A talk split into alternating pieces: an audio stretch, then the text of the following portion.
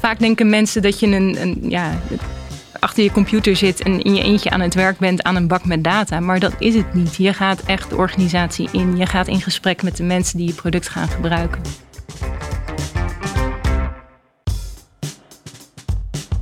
Dit is DNB Talks, een podcast van de Nederlandse Bank. Ik ben Noortje Veldhuizen en in deze podcast bespreek ik de financieel-economische vraagstukken van vandaag en morgen met verschillende specialisten van DNB. Aangeschoven zijn Iman van Lelyveld en Eva Kamminga. Uh, en met hun ga ik het hebben over het belang van data voor DNB en de financiële wereld. Um, Iman, ik begin even bij jou. Hoe ben jij bij DNB terechtgekomen? Wat is jouw achtergrond? Ik, uh, ik heb ooit bij een bank gewerkt. Uh, toen heb ik een proefschrift geschreven. met dat proefschrift in de hand ben ik bij de bank begonnen. Um, en nou, in de loop van de jaren uitjes gemaakt naar de Bank of England. midden in de crisis. 2008. Uh, naar de BIS, de Bank for International Settlements. Die zit in Basel en is zeg maar, de centrale bank van centrale banken. Waar ik een clubje heb opgezet om data van alle grote banken in de wereld bij elkaar te brengen. En uh, nu alweer een paar jaar weer terug bij de Nederlandse Bank. Waar ik een clubje leid om data science op de kaart te zetten bij de, bij de bank. Ehm, die club doet een aantal dingen. Eén eh, is eh, projecten met al die verschillende afdelingen van, de bank. Uh, en dat is heel breed. Dat gaat van betalingsverkeer tot resolutie, tot toezicht, tot financiële markten. Verder jagen we de interactie tussen verschillende data scientists binnen de banken jagen we aan. En we bemoeien ons aan tegen de techniek. Dus proberen een beter platform voor analyse te maken. En daarnaast ben ik één dag in de week eh, hoogleraar finance bij de VU. En dan geef ik een vak dat heet Machine Learning for Finance. Uh, ja, dat is een beetje. En wat heb je dan zelf gestudeerd? Want ik kan je leeftijd niet helemaal inschatten, maar ik kan me indenken dat toen jij ging studeren, dat data nog niet een studierichting was. Nee, nee. Ik, ik heb algemene economie uh, gestudeerd. Dus dat is uh, macro-economie met zeg maar, wiskundige modellen van de macro-economie. En voor mijn scriptie heb ik nog handmatig uh, reeksen over zitten tikken. Omdat, ja, je, die, die, was, die was niet op in de computer. Dus je ging gewoon met een, een dik boek en dan gewoon cijfers natikken. Je leerde je data wel heel goed kennen. Dat, dat wel. En wanneer heb je dan de vertaalslag gemaakt naar wat je nu doet?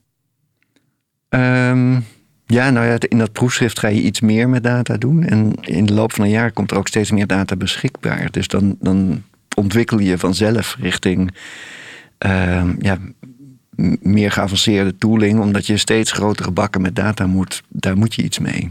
Dat moet je inzichtelijk maken. En zeg je dan ook nu tegen jouw studenten met ik heb het ooit nog handmatig moeten doen? Ik, probeer dat niet te doen. ik probeer dat niet te doen. Uh, daar word je wel heel oud van. Uh, maar ja, het, het, het, het is wel heel fijn voor ze dat zij dat niet hoeven te doen. Dat is wel een, een ja, ze realiseren zich dat niet, maar dat is natuurlijk wel een heel, heel mooi cadeau om, uh, om te krijgen. Uh, en uh, ja, geeft ook veel meer mogelijkheden. Ja. En Eva, hoe ben jij gekomen waar je nu bent? Um, ik ben van huis uit accountant en jurist. En ik heb tien jaar intern bij de Belastingdienst gezeten. En daar ja, ben ik begonnen in de controle en uiteindelijk daar ook als jurist gewerkt. En op een gegeven moment heel bewust de overstap gemaakt naar data. En dan data science, maar dan juist met een data governance en een data management um, blik. Om ervoor te zorgen dat ik zag dat met data science en met data heel veel hele mooie dingen konden gebeuren. Maar dat moet je wel verantwoord kunnen doen en ook effectief kunnen doen. En ik dacht, nou, met, met mijn achtergrond, IT was altijd een soort van hobby uh, voor mij. Dus ik kon al heel snel met, met de verschillende stakeholders um, communiceren, dacht ik, nou, hier, dit vind ik leuk, hier wil ik in doorgroeien. En toen heb ik een uitstapje gemaakt naar een extern consultancybedrijf.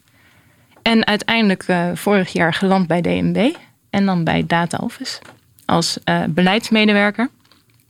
Dus om te helpen om, om het beleid van DNB als het gaat over data vorm te geven, om ervoor te zorgen dat er effectief met data gewerkt kan worden en dat techniek en organisatie op elkaar aangesloten wordt maar tegelijkertijd ook wel verantwoord met voldoende ruimte voor innovatie. En wat heb je dan voor studieachtergrond? Accountancy en rechten. En een, hobby, uh, een hobbyprojectje in de IT. En, en inderdaad erg veel uh, hobby op het gebied van IT. En in hoeverre, Eva, werken jullie ook samen met elkaar? Ja, uh, wij zitten eigenlijk meer aan de vraag-aanbodkant een beetje. Um, Iemand een club die is heel erg veel bezig met het gebruik van data en het verwerken van data. En um, mijn club kijkt dan heel erg naar waar komt die data vandaan en onder welke voorwaarden kan je hem gebruiken. En als je het gebruikt, aan welke richtlijnen moet je dan voldoen. Dus we zijn erg van elkaar afhankelijk. Want eigenlijk moet Eva um, ervoor zorgen dat het goed geregeld is. En ik kan dan makkelijk die data krijgen. Terwijl ik ook weet welke voorwaarden daaraan zitten. Want het is niet alsof je die uh, data zomaar voor van alles en nog wat mag gebruiken. Um, dus daar, daar moeten we dan afspraken over maken. En uh, nou, dat, dat, ik ben heel blij dat Eva dat uh, voor mij in elkaar zet. en iemand, de, de Data Science Hub, waar jij dus uh, bij hoort. Um, waarom was het ontstaan daarvan belangrijk? Omdat, nou wat ik eerder zei, die kruisbestuiving kwam niet echt van plan, van, van de grond. tenminste, niet zoveel als we zouden willen. en het tweede is dat, dat er vaak dingen zijn dat je als je in een divisie zit of een afdeling, dan ben jij vaak de enige die echt met de data werkt. Want daarnaast zijn natuurlijk, het is een team met bijvoorbeeld juristen of met uh, beleidsmedewerkers of toezichthouders. Niet iedereen zit daar de hele dag met data te rommelen. Nou, dat soort mensen moet je eigenlijk ondersteunen. Uh, en dat is wat, wat wij nu doen. Dus we proberen uh, die data scientist te ondersteunen, maar we proberen ook eigenlijk iedereen mee te nemen. dus eh, we hebben een Word Datapreneur programma gedaan uh, twee jaar geleden. Superleuk. Waarbij mensen met een eigen uh, problemen konden komen of uitdagingen. En dat wij ze dan gingen helpen om te leren programmeren.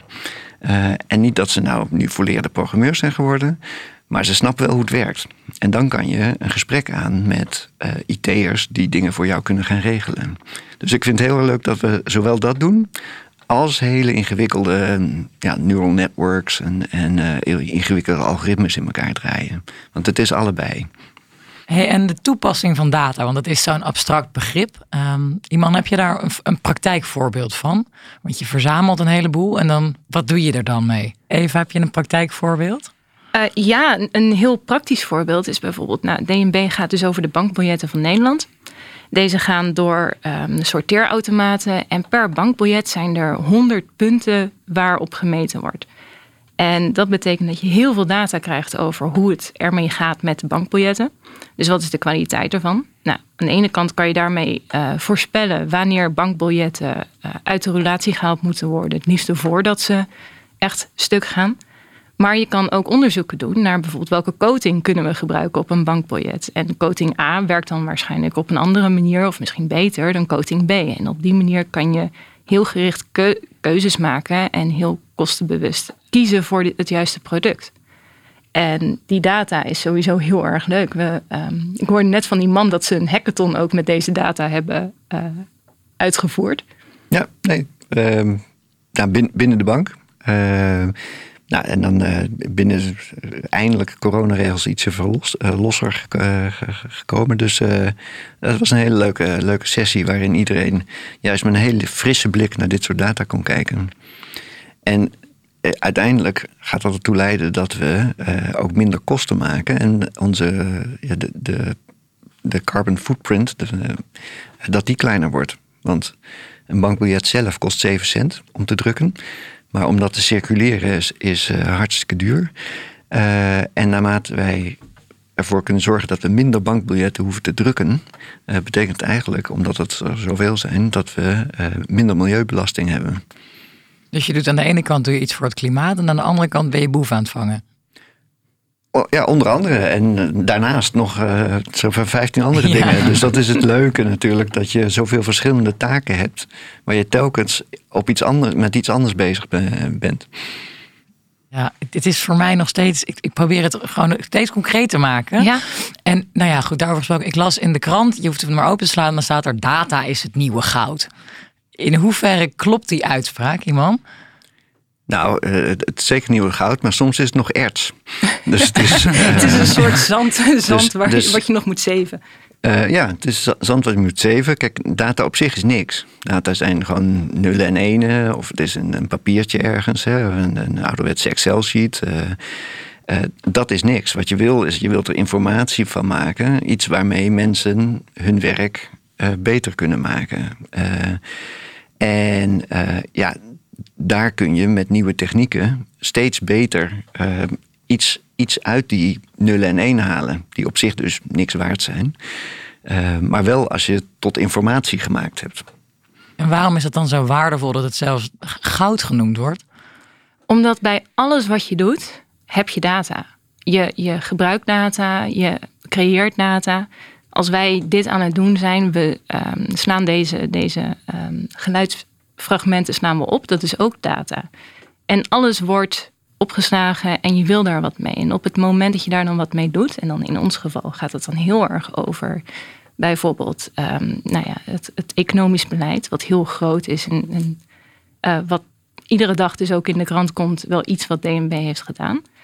Door al die data te verzamelen en daar wat mee te doen, creëer je dus daadwerkelijk ook waarde. Het is niet zomaar dat we nu zeggen, we hebben al het uh, alle, alle data en daarmee hebben we ook heel veel goud. Nee, het is we hebben alle data, daarmee kunnen we hele mooie dingen doen. En daar zijn een paar dingen voor nodig. Dus je hebt de hele data, je moet er iets bruikbaars van kunnen maken. Dus je hebt een dataketen waarbij je data inzamelt, vervolgens netjes opslaat, zorgt dat het schoon is, dat kwaliteit voldoende is. En vervolgens moet je zorgen voor de juiste technieken, zodat de data scientist zijn werk ook kan doen. En dat is waar iemand dan in komt vliegen en ervoor zorgt dat er ook daadwerkelijk informatie uitkomt en dat er mooie producten meegemaakt worden. En, en het leuke, denk ik, van bedoel, dit, dit, dit heb je bij elke, heel veel instellingen, hè? heel veel bedrijven ook. Uh, het leuke bij de bank is dat we uh, die data hebben voor het systeem als geheel.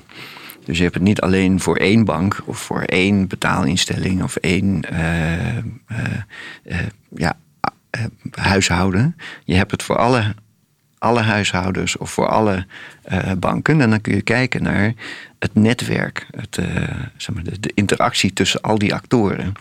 En dat maakt het, vind ik, leuker dan, uh, dan als je alleen maar de data hebt van één instelling. Ik vind het ook leuk. Ik zit tegenover twee mensen met een hele brede glimlach zodra het over data gaat. Jullie beginnen helemaal te stralen. Um, wat ik me ook nog afvroeg, hoe wordt die data ontsloten? Hoe, hoe, hoe kom je daaraan? Er zijn twee stromen, denk ik. Eén is, is uh, de reguliere statistiek. Dus er zijn wetten, wettelijke basis, op basis waarvan wij statistiek verzamelen. Bijvoorbeeld uh, uh, nationale rekeningen, dus wat het bureau, Centraal Bureau voor Statistiek bij elkaar haakt. Daar werken we ook nauw mee samen.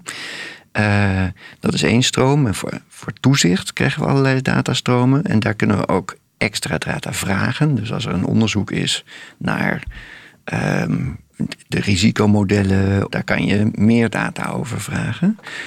Um, en ja, vergeet ik aanvullend, ja, ja, aanvullend hebben we natuurlijk heel veel openbare bronnen. Dus waar wij allemaal op, op uh, internet data kunnen opvragen, daar maken wij ook gebruik van. Er zijn nog een berg uh, commerciële uh, instellingen die data um, ter beschikking stellen. Dus wij hebben eigenlijk een hele diverse, heel divers aanbod aan data. En, en uh, iemand kun je ook een inschatting maken van de omvang van de data die jullie bij DNB bezitten? Heel veel. 1, 2, 3 veel. Dat heb ik geleerd van mijn uh, lerares biologie. Dat als je bij tellen van beesten moet je gewoon zeggen van er staat 1, 2, 3 en dan is het veel. Nou, dit is een geval van dit is gewoon veel data. En Eva, in hoeverre gaat data de grens over en weer terug en, en de uitwisseling daarvan? Uh, dat wordt uh, steeds um, intensiever. En um, Nederland die, die verzamelt ook data, bijvoorbeeld van de financiële instellingen van onze banken en verzekeringen, um, verzamelen we voor de ECB. En we leveren dat door. En de ECB die, die zorgt er weer voor dat het verspreid wordt en gedeeld wordt binnen Europa. En je ziet dat bij, binnen Europa ook steeds meer focus komt in, in data. Dus er is nu ook een datacomité, er, er wordt een datastrategie, een dataprincipes ook op Europees niveau ontwikkeld. En DNB die doet heel erg zijn best om daar, uh, daar een goede bijdrage aan te leveren. Ja. Um, en als we dan inderdaad kijken naar die andere Europese banken, uh, hoe doet DNB het dan in verhouding tot, tot de rest? ik denk niet, niet slecht en niet goed. Zitten denk ik in het midden. Ehm, Heel bescheiden antwoord. We zijn onwijs goed. maar zijn je een voorloper? of? Kijk, eh, ehm, ik, ik, denk waar we goed in zijn, is dat we een relatief platte, kleine organisatie zijn. Dus als, er, uh, als je vergelijkt bij, bij andere instellingen waar ik, waar ik ben geweest, uh, die zijn gewoon groter. Um, en dat maakt het lastiger om gewoon makkelijk informatie en dingen, data met elkaar te delen. Eh, dus daar zijn we goed in. Maar ja, het nadeel is dat we zijn klein. Dus dat hebben we ook gewoon minder geld en mensen om het te, om te doen. Dus als zo'n grote instelling zoals de ECB bijvoorbeeld echt besluit iets te doen. Ja, daar, daar kunnen we niet tegenop. Maar voor alle dingen waar je eigenlijk wat meer flexibel en slagvaardig moet zijn... denk ik dat we helemaal niet, uh, niet, gek bezig zijn. Ik denk dat we uh, misschien niet de koploper zijn... maar we zitten wel in de kopgroep. Ja. En Ehm, op het gebied van bijvoorbeeld innovatie. En als je ook kijkt naar cloudgang. Ja. En als je kijkt naar ehm, echt, echt het onderzoek en het experimenteren, denk ik dat we het heel erg goed doen. Ja, dus bijvoorbeeld cloudgang, dat vinden mensen natuurlijk eng. Uh, ik wilde het net vragen. De, cloud klinkt ook zo'n zo heel abstract. Ja, cloud, nou ja, cloud is gewoon een server die ergens anders staat. Hè? Een computer die niet, niet hier in de kamer staat. Maar we hebben bijvoorbeeld hier niet ver van deze studio staat een heel mooi zilveren toren. Uh, vol met computers, een datacenter. En daar hebben we drie jaar geleden uh, al onze eerste data in de cloud gezet. Nou, dat moet je voor zorgvuldig doen. Dus uh, je, wilt, je wilt niet dat dat, dat lekt of dat dat. maar goed, we zijn ja, eh, famous last words, uh, super veilig. Uh, maar je, je doet je best om dat op de allerveiligste manier daar neer te zetten. En daar lopen we wel voor. Want dat vinden andere instellingen toch wat spannender. En uiteindelijk moeten we daar toch naartoe. Dus ik wil niet zeggen dat het nooit fout gaat. Het is mensenwerk. Maar we doen wel erg ons best om dat zorgvuldig naar de cloud te brengen. En dan krijg je hele mooie schaalbare oplossingen. Dus schaalbaar bedoel ik dat je het uh, wat wij zouden ontwikkelen bij DNB bijvoorbeeld ook ter beschikking zou kunnen stellen aan, aan jou, uh, maar ook aan andere centrale banken uh, op een veilige manier.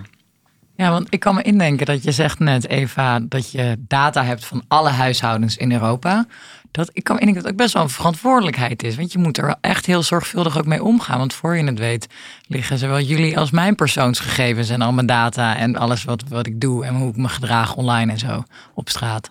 Ja, je hebt helemaal gelijk. Daarin, um, het, een van de speerpunten van, van DNB is om heel erg verantwoord om te gaan met deze gegevens. En daarbij is veiligheid, de security, is, is zo'n beetje de belangrijkste pijler.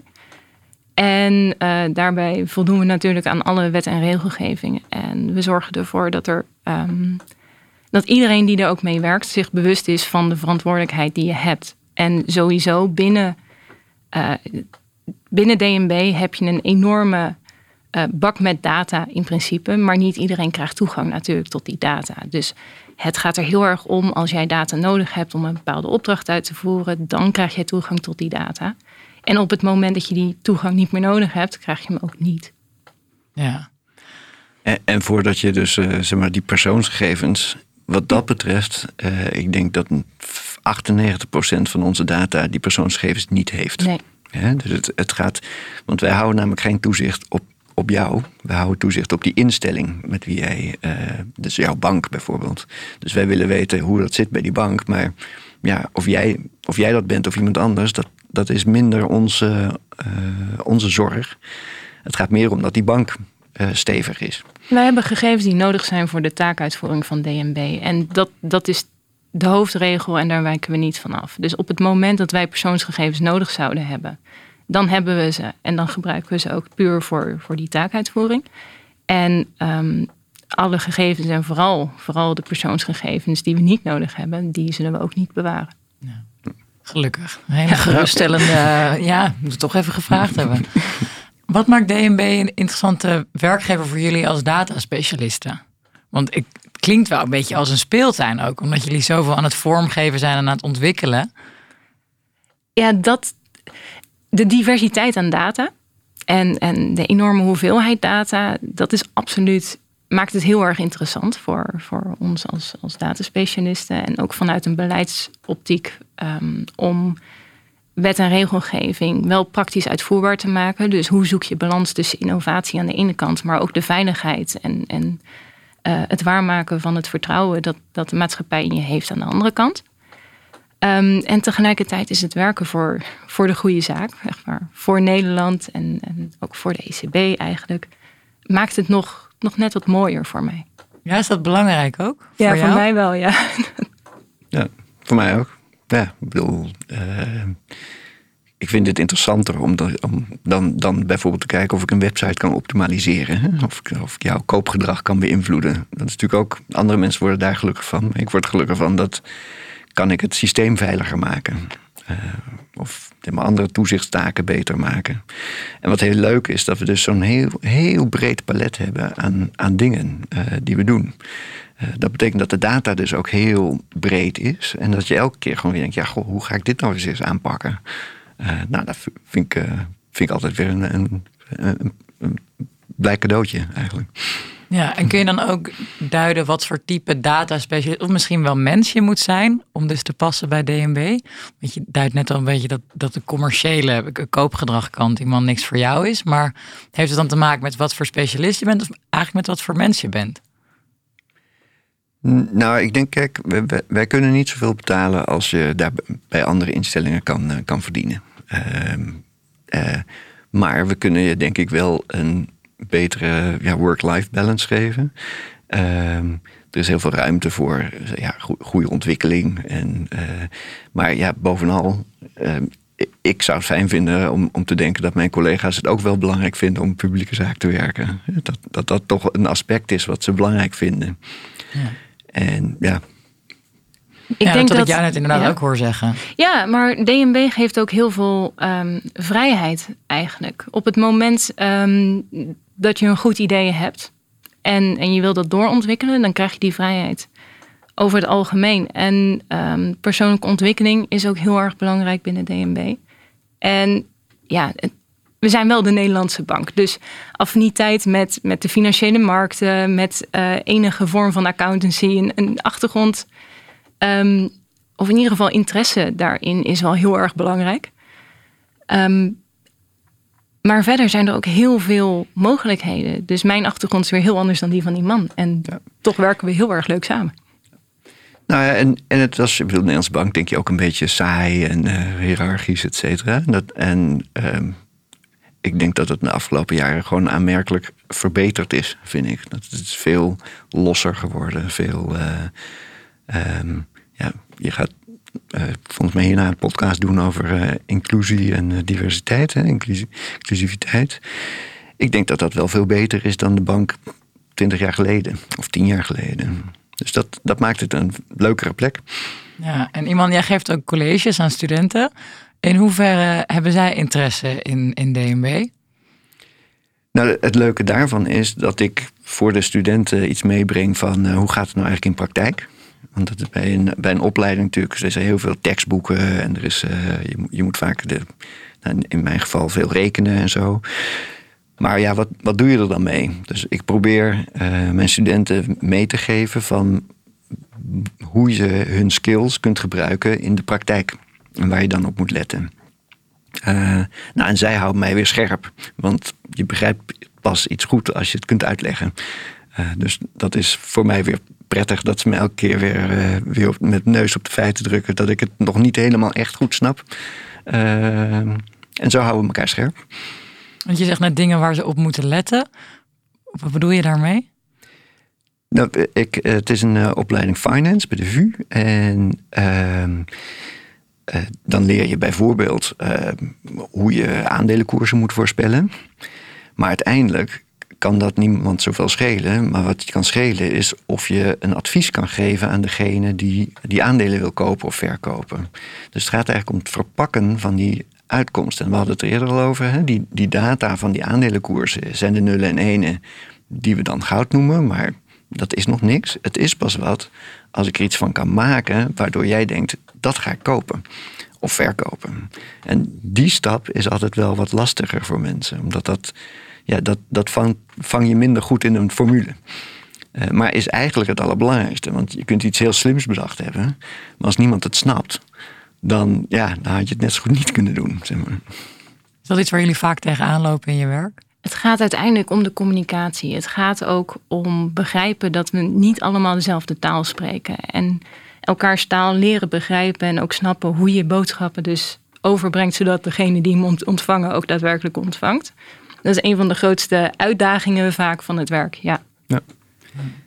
Ja, dat is dus moeilijk, want we hebben dus die enorme bakken data, terabytes aan data.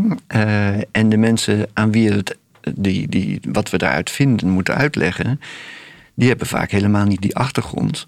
Of die zijn gewend aan hele kleine setjes waar je gewoon zelf doorheen kan gaan in een Excel-sheet.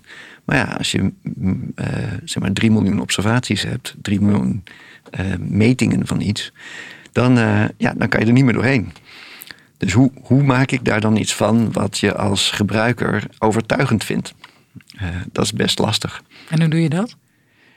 Um, nou, dat wordt misschien een beetje technisch, maar wat, ik, wat, ik, wat we proberen te doen is om het meer interactief te maken. Dus dat je uh, in plaats van een plaatje geeft, dat je een dashboard geeft waarin je zelf een beetje kan schuiven met, uh, met selecties. En dat je dus sneller zelf even kan zeggen: van, ja, maar ik, ik vind niet die hele lijn die daar op en neer gaat interessant. Ik vind dit stukje interessant. En dan uh, zeg maar, ga, je, ga je een interactie aan met je data. Uh, maar goed, als ik dat dus bij, bij een directielid uh, probeer te pluggen, die mensen zijn druk. dus je moet het op een manier doen die voor hun gemakkelijk is. Of een directielid of andere mensen die het. Hè? Dus je, je, wilt, je wilt dat soepel maken. En dat is best lastig, omdat we natuurlijk ook aan het experimenteren zijn. Dus ik weet ook niet precies hoe dat moet. En dat, dat is wel een hele leuke, leuke discussie met juist senior management. Van hoe kunnen wij deze, deze mooie spullen die we hebben op een manier verpakken uh, dat het voor jullie werkt. Dus kan ik dan ook stellen dat het eigenlijk creatiever werk is dan je op het eerste oog denkt? Ja, dat denk ik dus wel. Uh, ik denk ook dat het meer gaat over samenwerken en de interactie vooraf. Dus het, vaak denken mensen dat je een, een ja, achter je computer zit en in je eentje aan het werk bent aan een bak met data. Maar dat is het niet. Je gaat echt de organisatie in. Je gaat in gesprek met de mensen die je product gaan gebruiken. En je zorgt ervoor dat je beide ook het uiteindelijke product um, achter het uiteindelijke product kunnen staan. Ja. Uh, en dus ook aan het begin, kijk, het is innovatief. Dus je gaat ook iets maken wat mensen nog niet kennen. Dus er is ook de spanning dat, dat je als je aan mensen gaat vragen wat wil je, nou dan willen ze gewoon snellere paarden. Hè? Uh, uh, en niet een auto, want ze weten niet wat een auto is. maar als je langzamerhand met mensen langere tijd samenwerkt en dat je dezelfde taal leert te spreken, dan kom je er vanzelf, dan komen zij erachter dat er zoiets als een auto zou kunnen zijn. En dan maak je eerst gewoon een trapwagen. En langzamerhand werk je toe naar een auto. En nu zitten we ja, met Tesla's. Dus het, dat, dat is een langere proces. Maar ja, ik vind dat heel erg leuk. En het is dus veel meer. Ik bedoel, het is ook hard coderen en, en formules en algoritmes. Maar het is daarna ook met mensen eh, in gesprek gaan over wat ze nou eigenlijk doen en wat ze nodig hebben. Is dat lastig? Dat jij al weet dat er een, gewoon een auto staat aan het eind van de weg. Maar dat je weet, oké, ik moet al die tussenstapjes nemen. Zodat ik geen mensen kwijt ga raken onderweg. Eva. Ja, ik vind dat onderdeel dus, dus van wat mijn werk leuk maakt. Uh, juist omdat vanuit, vanuit mijn perspectief heb ik een heel breed perspectief op de bank. Ik, ik zie waar data binnenkomt. Ik kijk met een juridische blik ook naar die data. Ik kijk uh, af en toe mee met techniek. En dat, dat is ook gewoon heel gaaf. En ervoor zorgen dat. Ja, een IT'er denkt over het algemeen nulletjes en eentjes. En een jurist denkt in alles behalve 0 en 1. Alle, alle variaties daartussen, maar nooit ja, nooit nee, altijd. Dat hangt ervan af. En om die beelden bij elkaar te brengen. Ja, dat is, dat is waarom het data office en waarom die datastrategie er is. Om bankbreed daar ook een soort synergie in te creëren. En dat maakt het waanzinnig interessant. Maar ook frustrerend toch soms? Kan Op sommige dagen, dat je denkt, vertrouw me maar gewoon. Ik weet waar we heen gaan. Dit is het eindpunt. En toch? Uh, ja, ja, maar dat, dat werkt dus niet. Je kunt dat hetzelfde als uh, iets briljants verzinnen en dat, dat ik het dan niet uitgelegd krijg, heeft geen, geen zin. Hè? Dus, dus ook, al heb, ook al heb ik dat, ik heb een idee, um, maar uh, ik realiseer me ook dat het gewoon heel belangrijk is om iedereen daarin mee te nemen. Want um, alleen maar heel hard roepen dat ik een briljant idee heb, ja, dan, uh, daar, daar kom je geen stap verder mee. Je moet echt samen, nou, samen met een data office die, die de, de, de randvoorwaarden regelt eigenlijk. Hè? Maar ook met al die mensen die gewoon hun werk aan het doen zijn. Uh, hen enthousiasmeren om na te denken over Tesla's. Uh, en, en dat gaat in stapjes. En ja, uh, als je dat frustrerend vindt, ja, dan ik denk dat dat eigenlijk overal zo is dat mensen een visie hebben. Uh, en dat je daar niet in één keer naartoe springt. Maar ja, goed, som, ik bedoel, ik heb ook niet wel dagen dat ik ervan baal. Dat ik denk van ja, obvious. Hè? Dit is zo obvious. Ehm, maar ja, ken, dat, dan, dan is dit dat in mijn hoofd. En heb ik dat dus kennelijk niet helder genoeg uit kunnen leggen. Dus nou, dan slaap ik een nachtje over en probeer ik het op een andere manier. Ook veel zelfreflectie. Ja, nou ja, ja het leert je heel veel over je eigen ongeduld. Uh, dat klopt. Ja.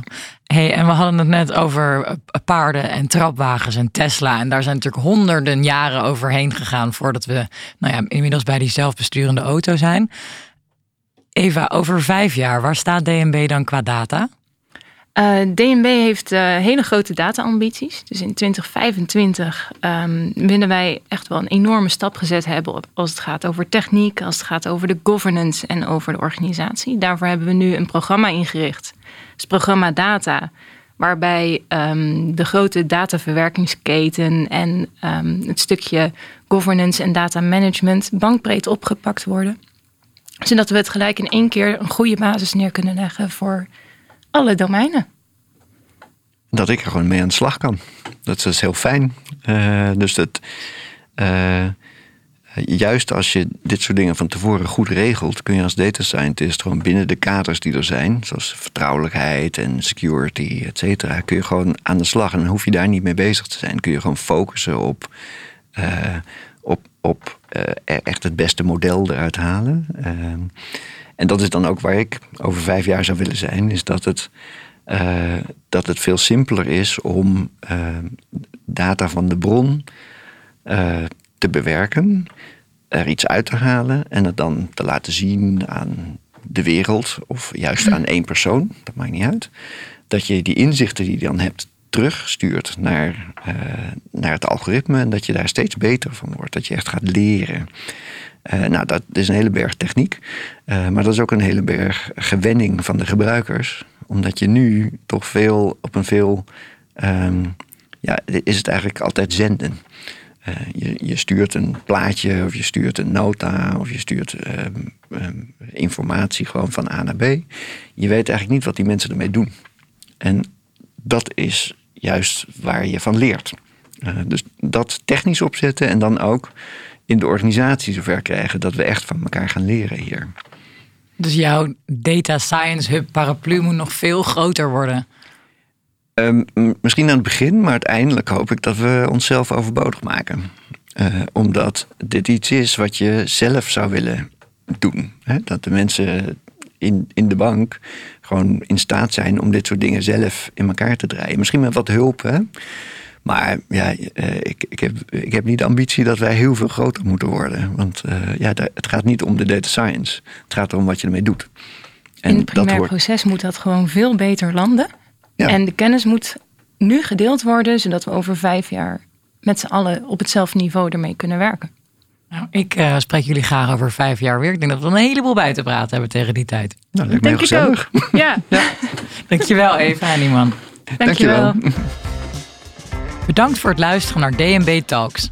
In de volgende aflevering hebben we het over diversiteit en inclusie. Diversiteit en inclusie moet je ook vooral doen uiteindelijk. En niet alleen blijven in die uh, beleidsplannen. Heb je vragen of wil je reageren op de podcast? Stuur dan een mailtje naar dnbtalks.dnb.nl. En wil je geen aflevering missen? Klik dan op de volgknop in je podcast-app.